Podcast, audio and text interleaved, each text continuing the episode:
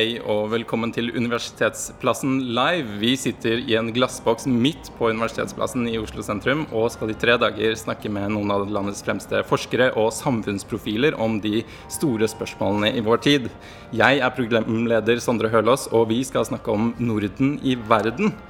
For de nordiske landene beundres og misunnes internasjonalt. Eh, det er i hvert fall det vi liker å tro selv. Men hvor står Norden og ideen om den nordiske modellen i dag? Hvordan bygger Norden sin merkevare, og hvordan oppfattes the Nordic way i utlandet? Med oss i dag har vi jusprofessor Malcolm Langford, som leder forskningsprosjektet Nordic Branding. Vi har også med oss førsteamanuensis i historie Sunniva Eng, som forsker på Norden som merkevare i bistand og utenrikssamarbeid. I tillegg til UiO-forskerne har vi også fått på plass Hilde Sandvik, som er grunnlegger av det tverrskandinaviske nettstedet Broen XYZ, som, og programleder for podkasten 'Norsken, svensken og dansken', og nestleder i Foreningen Norden. Og Vi kan jo starte med deg, Hilde. Eh, hvorfor har du blitt så interessert i Norden? Jeg vokste opp med en stor søskenflokk, eh, og vi elska å debattere og krangle. Da jeg ble voksen, så var det mest eh, naturlige å gripe fatt i de søsknene vi har rundt oss, nemlig eh, de nordiske naboland. Jeg syns jo at absolutt alle samtaler, diskusjoner, eh, politisk debatt blir mye mer interessante straks vi bringer inn ganske like, men òg ganske kranglevorne perspektiv. Eh, og så er det jo òg i bunnen at jeg har fulgt eh, særlig svensk og dansk offentlighet eh, nøye siden jeg eh, gikk på videregående skole. Eh, og ser at vi har så mye å lære.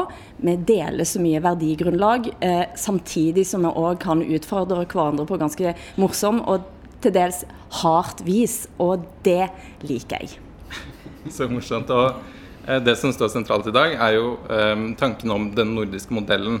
Og eh, det mange tenker på da, er kanskje eh, velferdsstaten og likestilling og, og, fredsarbeid og sånne ting. Men Sunniva Eng, hva hva, hvor kommer den nordiske modellen fra?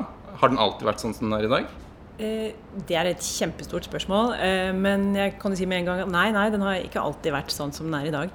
Eh, og det er også en modell som er under stadig endring. Når vi studerer den nordiske modellen historisk, så gjør vi sånn som du sier, å se på samfunnsmodellen. Vi ser på måten vi har valgt å organisere samfunnet vårt på i de nordiske landene. Eh, da kan man se at det finnes et slags sånn historisk mønster som man kan spore over tid. Eh, og det er jo nettopp de kjennetegnene du pekte på. Altså en ganske stor stat, en stor offentlig sektor, et omfattende velferdssystem som i prinsippet skal gjelde alle. Et organisert arbeidsliv og økonomi, eh, og en relativ grad av likestilling og arbeiderbevegelsens rolle. Eh, det er endringer som kommer sånn gradvis sigende, og kanskje mellomkrigstiden eh, ses på som vanligvis da, det mest avgjørende, eh, den mest avgjørende perioden, hvor arbeiderbevegelsene går fra å være eh, opposisjonsbevegelser til å bli brede folkebevegelser og få gjennomslagskraft og går i regjering i mange av landene i koalisjon med grønne partier, bondepartier. Eh, og så fra mellomkrigstiden så, så bygde det seg opp til det vi kjenner i dag? Ja, da eh, får man en bevegelse som skaper gradvis, sakte og sikkert, en eh, tverrpolitisk enighet om nettopp å innføre en slags samfunnsmodell à la de kjennetegnene vi nettopp var innom. Eh, så i etterkrigstida, fra 1950 eh, omtrent fram til 1980-tallet, så snakker man om gullalderen for den nordiske modellen. Og det er en periode hvor man da får en slags ja, politisk enighet på tvers av politiske partier og politiske skillelinjer om nettopp nødvendigheten av velferdsøkning, eh, økonomisk styring, organisert arbeidsliv, likestilling eh, og en velstandsøkning. Da. Og dette henger også igjen med da, en lengre prosess hvor landene i Norden går fra å være eh, relativt eh, lite utviklet økonomisk til å bli mye mer utviklet økonomisk. Og man får en velferdsøkning. Og så eh, fins det jo um, en, en, liksom, man møter på en utfordring fra 1970-80-tallet av igjen, hvor nyliberalistiske ideer gjør seg mer gjeldende. Og den tverrpolitiske enigheten som har vært der fra 50-, 60- og 70-tallet, gradvis begynner å slå sprekker. Og modellen blir utfordra da. Så um, selv om en modell er jo alltid en forenkling, så Når man sier at eh, velferden skulle være universell, så stemte jo ikke alltid det. Når man sier at man skulle være likestilt, så stemte jo ikke alltid det. Men det som blir nytt da fra 70- og 80-tallet av, er at man i økende grad får partier som rett og slett går i opposisjon, som ønsker å bygge ned staten, som ønsker å redusere eh, rettighetene, redusere velferden. Så, så, den tverrpolitiske enigheten begynner å slå sprekker og, og utfordrer eh, samfunnssystemene der slik de har vært, eller samfunnsorden som den har vært. Um, Men og, ja. Nei, og, og eh, for historikere da, så blir det jo um, i hvert fall to ulike måter å se dette på. Så mens man har hatt kanskje en mer sånn tradisjonell tolkning av hele den nordiske modellen som har pekt på hvordan velferdsøkningen har eh, gitt individene frihet, gitt dem rettigheter, gitt dem velferd. Eh, Pga. nettopp de kollektive ordningene. Det har, det har, vært en sånn dominerende forståelse. Um, men man får etter hvert også en kritisk forståelse som peker på at ja, disse kollektive løsningene de har også skapt hindringer for individenes frihet. Så, så det vokser fram en mer sånn kritisk linje i, eh, i forskningsmiljøer på 90-tallet, hvor man peker på kanskje hvilke ulemper velferdsstaten f.eks. har medført. Si, um, de mest kjente eksemplene er kanskje maktbruk i psykiatrien, steriliseringslover, slike ting, hvor man begynner å pirke i ja, Var egentlig dette, denne velferdsstaten så vellykket? Var det bra i folkehjemmet? var alle inkludert? Nei, de var jo ikke det. Så, så, så her har man to hovedtolkninger, da. Og her tenker jeg da at det er viktig at vi også åpner for en tredje tolkning. Og se på Norden rett og slett i verden. Se på det som er grenseoverskridende, og se på det som kommer ikke bare innad i Norden, men det Norden også påvirkes av. Av overnasjonale og transnasjonale strømninger. Men også hva Norden ønsker å gjøre internasjonalt. Så jeg tenker vi må åpne opp litt, da. For dette er jo noe eh, dere utforsker i, i, forskningsprosjektet i UiO Norden, eh, Nordic Branding. Eh, der man ser, eh, som, eh, ser man på at Norge, eller den nordiske modellen og Norden er et slags merkevare internasjonalt. Er det det man ser på? Ja, så det er, det er, to måter man kan se på den nordiske modellen. Det første er å se på politikk, som Synnøve har snakket om, og om det faktisk eksisterer eller, eller ikke. Og det er, det er, et spørsmål, og det er en forskningsartikkel fra 1972 som, som har en tittel som 'Den nordiske modellen eksisterer ikke'. Uh, men en annen måte til å se på det, den nordiske modellen er idé.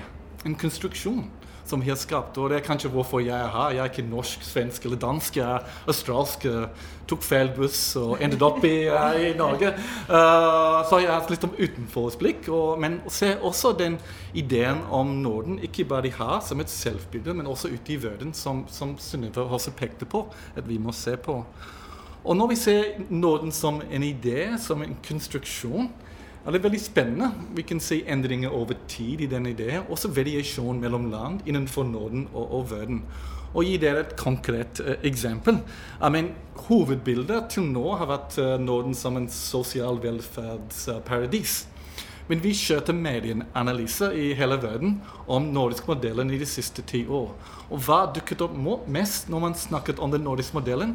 Nei, det var ikke sosial velferd. Det var sexshopsloven. Uh, som var først innført i Sverige. Det blir den svenske modellen. Å kriminalisere kjøp av sex. Uh, men ikke uh, tilbud. og så kom det til Norge, Finland og Island. Og den nordiske modellen om sexshop er omtalt i media hele tiden. Det er ti land som har innført det. Det er en EU-resolution osv. Så det er interessant. Men også når man ser på den nordiske modellen i praksis i disse land, er det veldig forskjellig. For de tolker det som de vil. Kanskje det har med en feminist vinkling i et land, det er med religiøs vinkling i en annet land. Så den nordiske modellen det er bevegende hele tiden. Uh, men det er også spennende å forske uh, på det. Jeg tror det er Harald Eier som har sagt, eller vi har snakket om det iallfall, at eh, vi burde ha gjort det før eh, den amerikanske valgkampen nå. Bare reist eh, rundt i USA og sagt 'Make America great again, this time for real', med den nordiske modellen. Og jeg vet iallfall fra, fra New York så har det nordiske sosialdemokratiet altså en, en periode så var den røde rosen en slags hit treff på Tinder. Altså Du signaliserte at du var kul hvis du hadde liksom denne sosialdemokratiske røde rosen. Eh, så det er jo noe med det er jo, det jo, du, jo, du, ser jo på dette hele tiden, men jeg, av til, jeg får av og til de vibbene som, som en kunne få med USA sin måte å brande seg sjøl på 50-tallet eh, ute i verden. Altså det, det bildet der en bruker kultur og Men så har vi òg noe felles. En har f.eks. veldig skyhøy tillit. da. Altså det, vi skårer jo høyt på veldig mange målinger som er bra å score høyt på til sammen. Og det er akkurat det de andre land også bruker Norden for å se deres egne uh, mål. Så venstresiden vil peke på okay, velferdsstaten. Mm. Men høyresiden vil peke på f.eks. det nye skolesystemet i Sverige, som er mer liberalt. Så det vil si høyresiden i Storbritannia mm. bruker det aktivt. Og fordi det er nordisk, mm. det må bli god. Uh, så man kan kjøpe venstre- eller høyrepolitikk uh, fra Norden og ha den nordiske lappa over det. Og det vi ser også med sexkjøpsloven. det vanskelig å plassere det eh, på det politiske spektrum. Men når det har liksom på det, det må, god, det må bli god politikk, og så kan vi bare uh, bruke det. Er det sånn at vi pusher den, den tanken om den nordiske modellen eller sånn internasjonalt for å ende opp med å selge laks eller ende opp med å selge møbler til folk som, som ser på oss som liksom ideal, idealer? Er det sånn at man gjør det aktivt? Altså det, det, ser en jo på altså Nordisk ministerråd har jo, eh, har jo, den type prosjekter, store prosjekter der de putter ganske mye penger på å brande eh, Norden nettopp med et sånt utgangspunkt. Mm. Men samtidig så er det jo så ligger det jo noe sånn alvor bak der òg. Altså, Til sammen så har vi veldig høy økonomi, den ellevte største økonomien i verden. Eh, og en vet òg at når eh, Norden står samla inn i EU, så får en gjennomslag for politikken sin. Eh, og så kan en tenke seg at ja, det er noen områder der det er bra å få gjennomslag for eh, en nordisk politikk, og, og, nå skal jo alt bli grønt. Jeg hørte rykter om at Nordisk ministerråd nå kutte, skal kutte 25% i kulturbudsjettene fordi at en har blitt sånn Greta Thunberg. eh, og altså, der, jo, der, ligger jo noe sånn, sånn alvor i det òg, utover det nærings... Eh, altså, det, men det vet sikkert du mer om. En økonomisk vekst, liksom. Ja. Fordi, fordi du, du, du, har sett litt på um, For en av, en av, eh, tingene man fokuserer på, er, er um, utvikling og bistand som vi støtter med. Uh, hvordan um, eksporterer vi nordiske tanker ut i verden? liksom? Sånne politiske tanker? Er, sånn, sånt er jo kjempevanskelig å spore for historikerne, men det gjør det ikke mindre interessant. Det er superinteressant. Eh, og jeg tenker at altså Norden som eh, merkevare, det, det, er absolutt verdt å undersøke. Eh, og eh, ideen om en sånn nordisk modell, det blir jo både en slags altså et politisk program, da, en visjon, sånn som Malcolm sa, at noen vil se på det som en utopi, noe man ønsker å fremme og ha mer av, mens andre vil se på det som en dystopi, noe man virkelig ikke vil ha mer av. Og bistanden er jo ofte en sånn type aktivitet der man lett kan tenke at ja, er det noe sånn at de nordiske landene står for, å, eh, står for, bistand i stor grad og er veldig velvillige givere nettopp fordi de har et velutviklet velferdssystem og ønsker å liksom oppfordre til det? Så altså vi ser at det blir ofte brukt som en slags forklaring. Det at man har en nordisk modell eller en velferdsstat hjemme, skal liksom motivere for en type bistand. Um, en sjenerøs bistand. Men så er det også andre som mener å finne da at man gjennom bistanden nettopp nettopp ønsker å overføre den nordiske modellen og, og oppfordre til, eh, til, at man etteraper nordiske løsninger. Um, det er veldig vanskelig å spore det konkret hvis man ser på bistandsprosjekter individuelt, liksom på det byråkratiske nitty-gritty. Men man finner det ofte i festtaler, i eh, stortingstaler, i, i debatter og sånne ting, som mer overordnede utsagn. Og det tenker jeg i hvert fall at ja, selv om ikke jeg ser det i papirene mine som historiker, så må jeg jo være åpen for at aktørene selv kan jo ha sittet med disse forestillingene i hodene sine når de har operert. Og eh, hvis man ser på bistand historisk, da, så akkurat i oppstartsfasen på 50-tallet, så var det litt sånn om å gjøre å være først ut. Og, så da Norge lanserte Kerala-prosjektet i 1952, så kom det en bemerkning fra den svenske ambassaden om at ja, det, her burde jo vi vært først ute. Hvorfor har Norge dette? Vi burde jo kommet først og fått mer publisitet. Eh, og så når Norden De er vel sikkert glad for at de slapp det etterpå, da. Ja, det, ja, det er mulig. Det, det, var, ja, ja, det var et ganske katastrofalt prosjekt. Det var jo mange utfordringer i tidlig bistand. Eh, og da var det jo også organisasjonene som fikk ansvaret, ikke staten selv som tok det ofte. Eh, også i Carrera-prosjektet. Um, men da man lanserte fellesnordiske eh, bistandsinitiativer på 60-tallet, så valgte man seg eh, for det første land hvor man antok at man kunne se resultater raskt. Og det var jo publisitetshensyn som gjorde det. At man ville vise fram at vi investerer skattebetalernes penger, og se, det har effekt, liksom. Det har virkning. Det var viktig. Eh, men så strandet etter hvert samarbeidet på nordisk nivå når det gjaldt bistand, fordi man selv hadde egne administrasjoner. Man ønsket selv å få publisiteten til sine nasjonale administrasjoner. Så det blir viktig å vifte med eget flagg. Ehm, så, det er også hensyn man kunne ta, da. Og så, og så, igjen, bare for å ta det siste poenget om overføring. Eh, man så jo i hvert fall på 70-tallet en tendens til å velge seg mottakerland, særlig Øst-Afrika. Og der er Tanzania under Julius Nyerere sin presidentperiode det kanskje klareste eksempelet på at giverlandene har forstått det som at mottakerlandene har etterstrebet en modell eller et samfunnssystem som har lignet deres eget og muligens hatt en stor velvilje da, for å støtte akkurat den presidenten i eh, Tanzania i en lang periode, hvor samtidig landet skled mer og mer inn i totalitært ettpartisystem. Så, så, så, realiteten matchet liksom ikke helt antakelsene. Og der kan vi jo tro at ideologi har hatt noe å si, altså. Ja. For um, nå har vi jo stort sett snakket om at vi er Og Norden som en felles enhet. Men vi er, er, vi egentlig så like? Hilde, er, er, vi så like? Og koronapandemien som har skjedd nå i det siste. Eh, Norge, Sverige og Danmark har taklet den på tre veldig forskjellige måter. Mm illustrerer det på en måte forskjellene? Mm. Jeg var jo så heldig, hvis det går an å bruke et sånt begrep om en så uheldig tid, eh, og skulle eh, ha en første regulære sending av norsken, svensken og dansken uken etter at det stengte ned. Eh, og det, Derfor så hadde vi jo nesten en sånn live forsknings, lite medieforskningsprosjekt gående. Eh, for da kunne en følge altså fra uke til uke både statsministrenes veldig ulike håndtering og òg myndighetenes ulike håndtering. Og Det som stakk ut da, som vanlig, er jo den svenske håndteringen. Og svenskene er jo eksepsjonalistiske i mange, mange måter, på mange vis.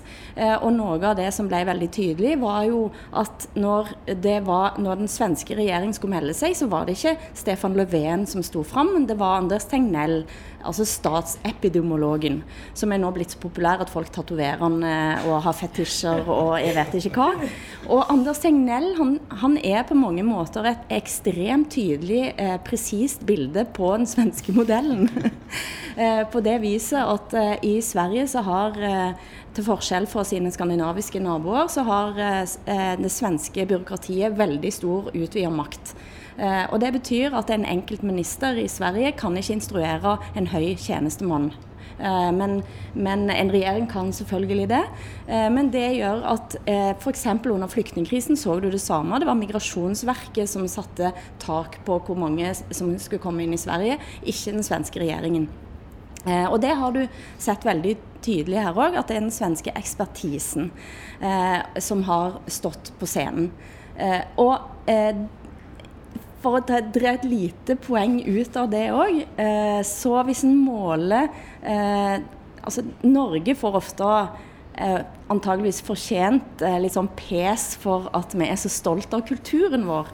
Sånne store undersøkelser som kartlegger liksom, om en er stolt av kultur, viser at nordmenn vi er så stolte av kulturen. Svenskene er jo ikke stolte av sin egen kultur. Mona Salin sa vel at det fins ikke noe egen svensk kultur. Men det de er stolte av, ifølge Gine Gustavsson, som er statsviter, er kompetansen. Eh, så når da eh, den, Sverige har fått mye eh, ja, men altså kjeft eh, ute i verden for håndteringen av korona. Nå er ikke fasiten på bordet ennå. Eh, jeg mener det er for tidlig å konkludere. Men når New York Times skriver at Sverige er pariastaten i Europa, så treffer det på det såreste punktet i svenske, svenskers selvoppfattelse, nemlig på kompetansen. For der skal de være best. Og det er veldig Altså, det finnes så mange anekdotiske bevis og forskningsbelegg for at det er den, det synet på at vi vet best. Eh, det er svensk. Og Sven Sverige har jo vært en stormakt. Altså, det har jo ikke Norge. Altså, vi, har, vi vet ikke hva det er å være noen stormakt. For hvordan ser verden på, på Sverige akkurat nå, eh, og håndteringen deres av korona? Så, så, akkurat det, så um, Vi har også kjørt en uh, medieanalyse uh, av hvordan uh, verden ser Norden akkurat nå. Og i første fasen, det er prosjekt med Eirin Larsen og Charlotte Aslensen. Vi har sett på New York Times, uh, Fox News og CNN. Og hvordan de omtaler de fem uh, statene og, og Norden som en helhet. Og det er noen ting som dukker opp, uh, og særlig på det første med Sverige at uh, plutselig er ikke Sverige lenger en velferds, velferdsparadis, men det er en veldig liberal uh, stat. og man finner masse råd fra høyresiden. I Fox News f.eks. Sånn ordentlig konservativ politikk som de kjører i Sverige. Uh, det andre ting som Hilde var inne på, det med demokrati. At det er en overraskelse at en svensk epidemiolog, embetsmann, kan styre hele politikk.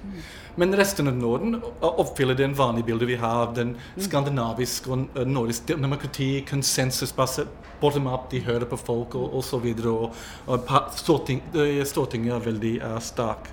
Og det tredje, uh, tredje er den med nyliberalisme.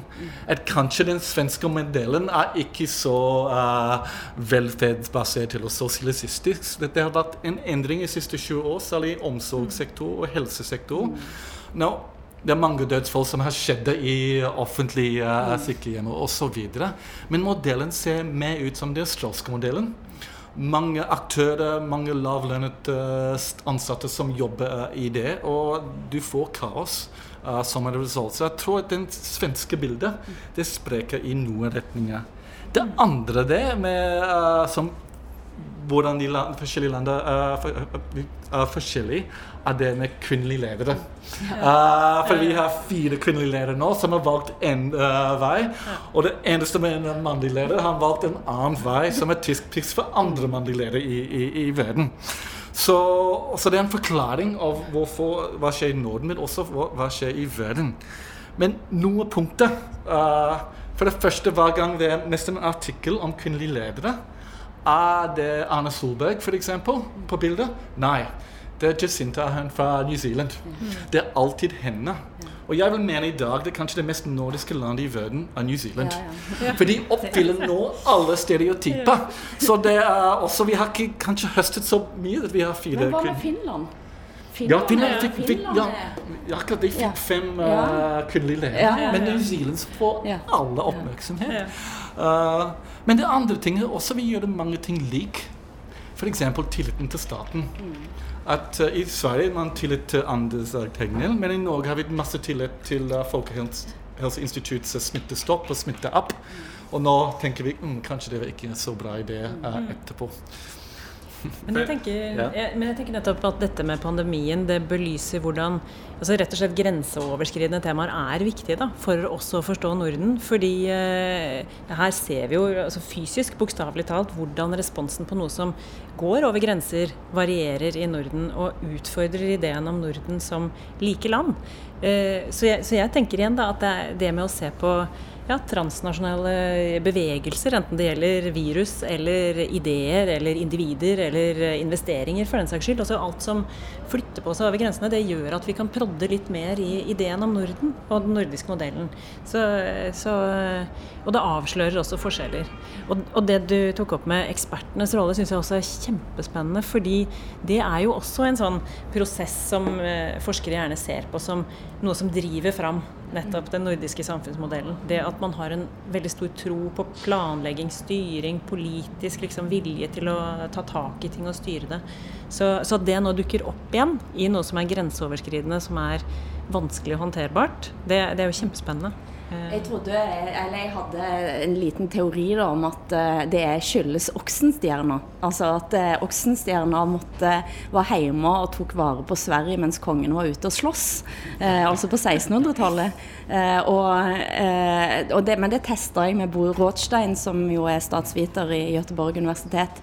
Og han mente at det, det, det var han, han, gikk liksom ikke god for det, da, men han snakket om, om framveksten av den store industristaten Sverige eh, på 1800-tallet. Altså at en, eh, når en skulle bygge alt av jernbaner og alt mulig annet for å bygge den store industrinasjonen Sverige, at det var at det der, derfor det det stammer, og det har han jo kanskje rett i, men jeg liker, jeg liker den Oksenstjerna-teorien min likevel. For hvor um, jeg, jeg dro, kom nylig uh, med buss fra København gjennom Sverige. Eh, og da eh, måtte jeg vise pass over grensa.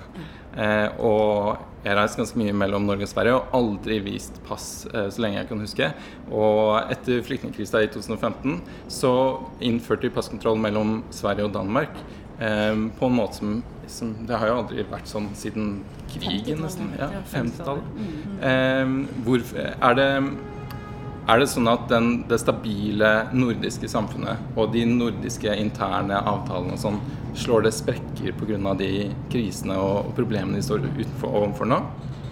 Det er jo et kjempespennende spørsmål. Altså. Og, og, det er jo nettopp det med grenser som, som uh, gjør at, uh, ja, at det slår litt sprekker i bildet. Uh, fordi nettopp det med passunion og passfrihet, det at man kunne bevege seg mellom landene uten noen grenseproblemer, Um, det var jo liksom en, en seier. Det var den, en av de få virkelig konkrete resultatene av det nordiske samarbeidet. Så, så det at det nå blir utfordra, det er veldig spennende. Og det er jo forskere som har pekt på at, uh, at her har ikke de nordiske samarbeidsorganene kanskje gjort nok arbeid for å uh, hva skal vi si, synkronisere eller samordne eller Eh, vi må jo anta at det er mye informasjonsflyt på tvers mellom eh, embetsverkene og sånt, men, men, at likevel har ikke samarbeidsorganisasjonene gjort nok, da kanskje. Eh. Men der er jo, altså det er bare Senest i dag så er det en artikkel eh, i Ekspressen der eh, Johan Giesecke, som jo egentlig var pensjonert fra folkehelsemyndighetene i Sverige, eh, men som troppa tilbake igjen og ble kjendis over natta omtrent sammen med Anders Tegnell. Og Der har de da altså publisert en e-postutveksling mellom han og Frode Forfang i Norge. Fordi at Giesecke ble så fornærma fordi at Forfang gikk ut og kritiserte Sverige. Og Da kan du se liksom, det er som sånn søskenkrangel for tilbake til det. da, For det er sånn Unnskyld, unnskyld, jeg mente det ikke sånn! eh, og, så, og, så, neste uke så er Forfang ute i Aftenposten eh, og sier det samme. Og så skriver Anders Tegnell 'Jeg er besviken' eh, eh, og, og til, til, til Gisekke, da. Men, og, og det, er no, det, er noe med den der blandingen av den tonen Det hørte en på Anne Linde òg, utenriksministeren i Sverige, som ble virkelig Altså, hun var virkelig fornær, blodig fornærma fordi at Norge ikke åpner opp grensen mot Sverige. Og det tar det personlig eh, at en ikke gjør det. Eh, så det, det, ligger jo et sånn skjørt greie under der. Men legges det lag på lag med grensehinder oppå, så kan det jo være at, at det slår litt sånn sprekker, da, den følelsen av at en er et fellesskap. Altså Den, den familiemetaforen uh, som du bruker, det passer veldig bra. For hva gjør det familie? Ja, de kommer sammen uh, på julaften og kanskje på påske. Mm. Og det er kanskje det nordiske samarbeidet vi har hatt i de siste 20-30 år. Så, det er, så det er kultur og film noir og nordic cuisine. Det er myke mm. ting at de kan bli enige om å promotere osv. Men de ordentlige uh, harde økonomiske og sikkerhetsområdene uh, Nei, vi ser til USA, vi ser til EU. Det er som daglig daglig jobb som de, de nordiske land har. Og det er vanskelig å samarbeide om, om disse områdene. Og det, det, som vi har nå med koronatiden, viser at vi har kanskje fokusert må, veldig mye på det, det myke side. Og Johan Strand f.eks. sa til NRK vi har fokusert så mye på branding uh, Norden, men kanskje ikke så mye på oppbygging. men det er kanskje altså det, det er litt unyansert òg. Iallfall i fjor så, ble det, eh, så lanserte NUPI en rapport for tok for seg eh, Stoltenberg-rapporten, som nettopp tar for seg forsvarspolitikk. Den var ti år gammel. Og faktisk kunne se at en har gjennomført veldig mye av den politikken som Thorvald Stoltenberg foreslo. Veldig mye som står igjen. Men det er ikke, det er ikke helt sånn. Det er ikke bare kosen eh, at en samarbeider. F.eks. det der at en har et felles eh, luft, overvåke luftrommet på Island osv. Det er jo veldig konkret. Og i nordområdene har en veldig felles både strategier og ønsker. Et siste spørsmål før vi er ferdige her i dag. Eh, og Makam, jeg vil spørre, stille deg det først. Nå, vi har Europa, vi har en sterk stat. Trenger vi egentlig Norden som den konstruksjonen vi har i dag? Det er farlig å spørre en utlending som er ikke er en del av familien. Jeg vet ikke om jeg er familieterapeut og gi råd til det. Jeg tror Norden kan hjelpe. Kanskje med samarbeid, eh, fordi vi føler vi er en del av en fellesskap. Så når vi har vanskelig situasjon, vi kan bruke det. Norden er viktig kanskje makkelepper ute i verden til å selge politikk, kanskje vi liker. Uh, og vi kan uh, uh, promotere til resten av verden. Men um, i realiteten det, vi trenger samarbeid med mange flere land. og det er kanskje farlig hvis vi bruker Norden til å dekke over dette behov. Eller vi bruker Norden til å bygge opp et selvbilde. Mm. Vi er best i verden. Når faktisk det spreker på forskjellige områder, og vi må ta vare uh, på det. Så det er fordeler og ulemper mm. å snakke om Norden. Hilde, er du enig i det? Nei, jeg tenker at det er ikke noen motsetning mellom å jobbe tett nordisk, nordisk og, og med, med, Europa og andre. Altså, og, og, at det er en veldig stor styrke i å ha, være samla på noen områder åpenbart at det er. Og jeg tror òg den tida vi lever i nå, kommer til å bli mer og mer regionaliserte. Jeg kjenner meg mer som europeer, jeg kjenner meg mer som nord nordisk. Jeg kjenner meg mer som norsk, og jeg kjenner meg mer som vestlending. Til og med som Erfjordbu. og da eh, tror jeg vi lar det være det siste, eh, siste, ordet i denne diskusjonen om Norden i verden. Og det, jeg vil si takk til alle dere som var her. Sunniva Eng, førsteamanuensis i historie. Malcolm Langford, som er professor ved Institutt for offentlig rett. Og Hilde Sandvik, som er grunnlegger av nettstedet Broen XYZ. Og programleder for podkasten Norsken, svensken og dansken. Og nestleder i Foreningen Norden.